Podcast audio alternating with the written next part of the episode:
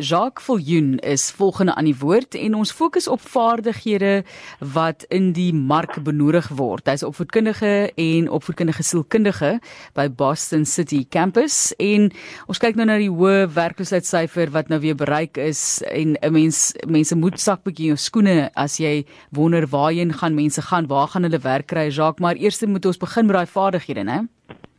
Ja, absoluut. Uh, goeiemiddag Marlies. Ehm um, hierdie afwesige skakel tussen mense se vaardigheid en en en en wat die werksomgewing vereis, dink ek is een van die belangrikste goed wat uh, aan mense gedagte moet hou met hierdie hele konsep van vaardigheids uh, wanverhouding, um, as ek dit so kan noem. Um, en soos soos jy weet, jy weet 'n wanverhouding van die aard ontstaan wanneer werkers of meer of minder vaardighede beskik as wat die wat die pos vereis. So ja. daar's 'n daar's 'n wanbalans um, as ek dit so kan stel.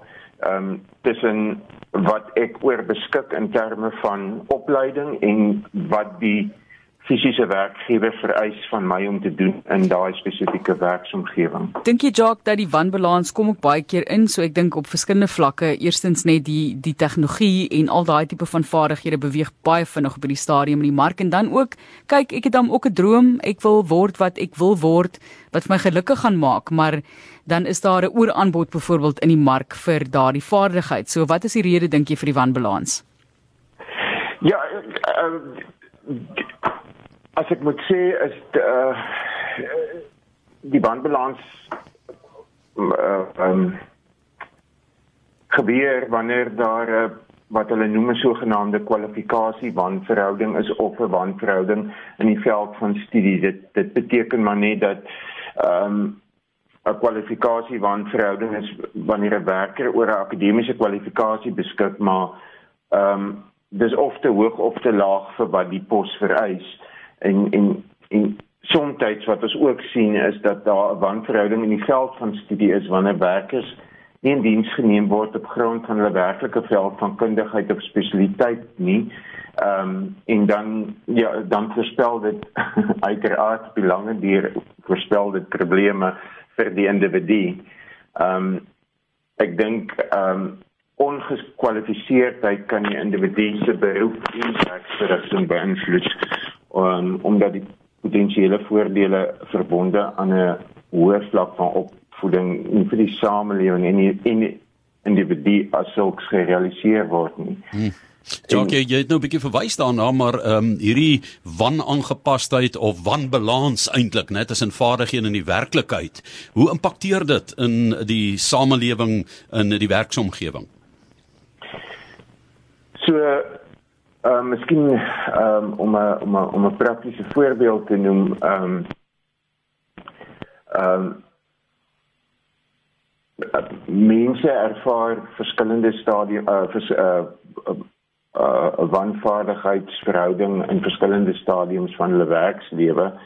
Ehm um, soms kry mense nie binne in 'n werksgeleentheid die die die opsie of die geleentheid vir 'n sogenaamde indiensopleiding nie om om om om 'n nuwe vaardigheid aan te leer binne hulle beroep nie. Ehm um, en dit is een van die kritiese goed wat belangrik is om ehm um, aan te pas by die veranderde werkseise ehm um, in in soos jy nou genoem het die tegnologie wat wat ehm um, al hoe meer na vore tree. Ehm um, ek dink soms uh, kyk ons na na beroepe en um, ons jong mense kyk na beroepe en daar's baie beroepe daar daar buitekant en mense is nie altyd seker ehm um, so so so wat spesifiek moet ek nou gaan studeer nie waar waar lê my kundigheid nie? Ehm um, en ek dink in in so 'n geval moet die mens spesifiek gaan kyk na wat is die die behoefte daar buite? Wat is die ehm um, ek ek weet hier onlangs het die departement van home affairs het 'n eh, het 'n het 'n draft critical skills list gepubliseer. Dis belangrike goed, ons moet daarna kyk want ons moet dit wat ons studeer moet ons soort van paar uh, pair in, in Engels um, met daai kritiese vaardighede wat ons land benodig. Ons gesels dan oor hierdie vaardighede wat ons wel benodig. So kom ons skip ge, of ons draai hierdie skip om dat ons weer byvoorbeeld op die regte pad kom waar daar nie so wanbalans is tussen wat die mark benodig en die vaardighede wat mense dan in die mark inbring nie. So voordat ons daarby kom net wat gebeur wanneer dit die geval is? Wat is die vervolg daarvan? Wel, ehm um, die gevolg van hierdie wanbalans is uh, uh 'n kwessie van dat ehm um, op 'n individuele vlak sien ons baie keer dat daar sogenaamde wat hulle noem loonboetes is veral vir oorkwalifikasie uh wat uiteindelik werk en jou lewensbevrediging beïnvloed. Jy sou byvoorbeeld aanneem dat 'n oorkwalifikasie in 'n ontwikkelende land nie 'n probleem behoort te wees nie omdat daar nie voldoende opleidingsgeleenthede is nie. Mense ontvang egter opleiding en kan steeds nie 'n werk vind wat ooreenstem met hulle vaardigheidsvlak nie wat beteken dat hulle nie hulle volle produktiwiteitspotensiaal in diens het nie. Daar benewens vir minder vaardigheidstekorte die kans om werk te vind. So ek dink op 'n individuele vlak ehm um, gaan dit oor die individu homself waar waar daar dan 'n probleem is.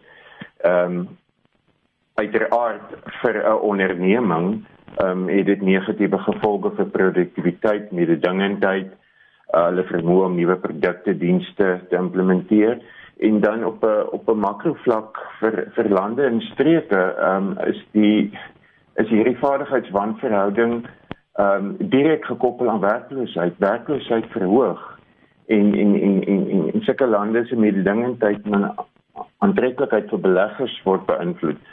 Uh wat wat dan nou natuurlik beteken dat verlore geleenthede op die weg na produktiewe transformasie en werkskeping beteken. So ek ek dink daar's op op op op drie verskillende at least dat op drie verskillende vlakke is daar 'n definitiewe ehm um, impak uh, wat ons sien uh, in terme van ehm um, van kwalifikasie.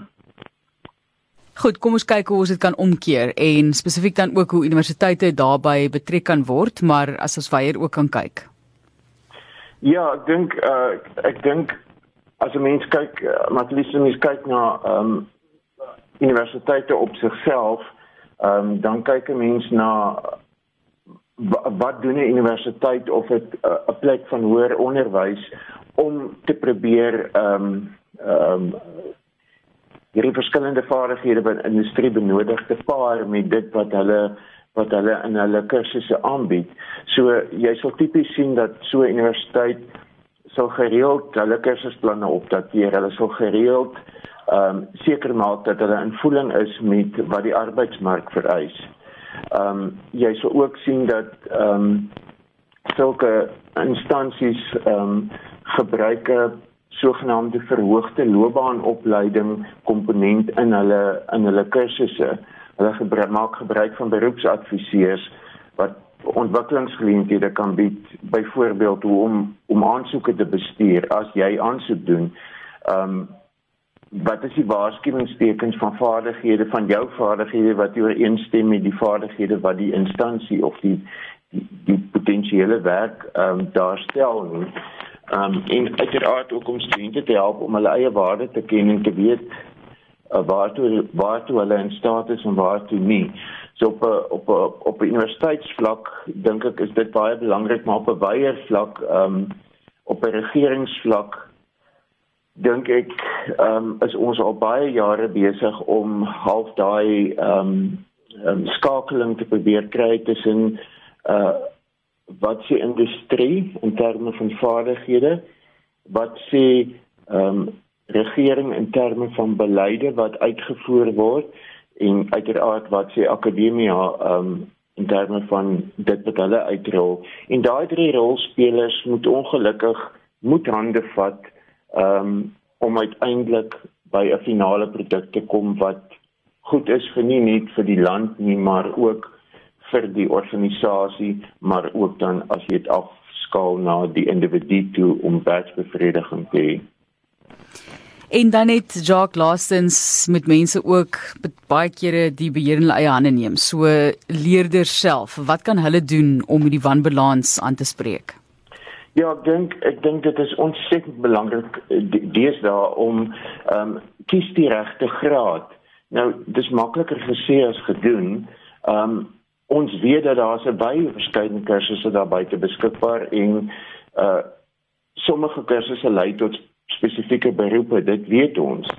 Ehm um, maar ons weet ook dat as 'n mens die nuus byvoorbeeld ophou en 'n mens lees 'n bietjie weier in terme van ehm um, ekonomie en dis meer sal mense op, op op hoogte kan bly van wat is die is die tendense wat wat tans ehm um, aandag verg en praktiese voorbeeld daarvan byvoorbeeld ehm um, ek weet die Verenigde Koninkryk het onlangs ehm um, 'n berig gehad oor landelike windplase en dis 'n plan wat wat hulle vir dekades mee gaan werk en en dit moet uh, is potensieel 'n aanduiding vir 'n ou hernubare energie is byvoorbeeld 'n area waarin ek sou kon studeer. Dit is 'n area waarin ek kan spesialiseer.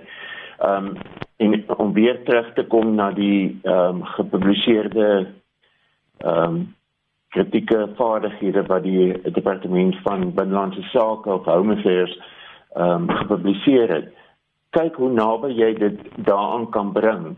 Ehm um, jou studie rigting. Ehm um, beproef aanlyn kursusse. Ehm um, die internet gee vir ons so wyd verskeidenheid van vryhede en jy kan as te ware studeer terwyl jy werk en 'n salaris verdien. Ehm um, maar dit kan terselfdertyd ook vir jou help om nuwe vaardighede op te doen of bestaande vaardighede dan nou op te skerp.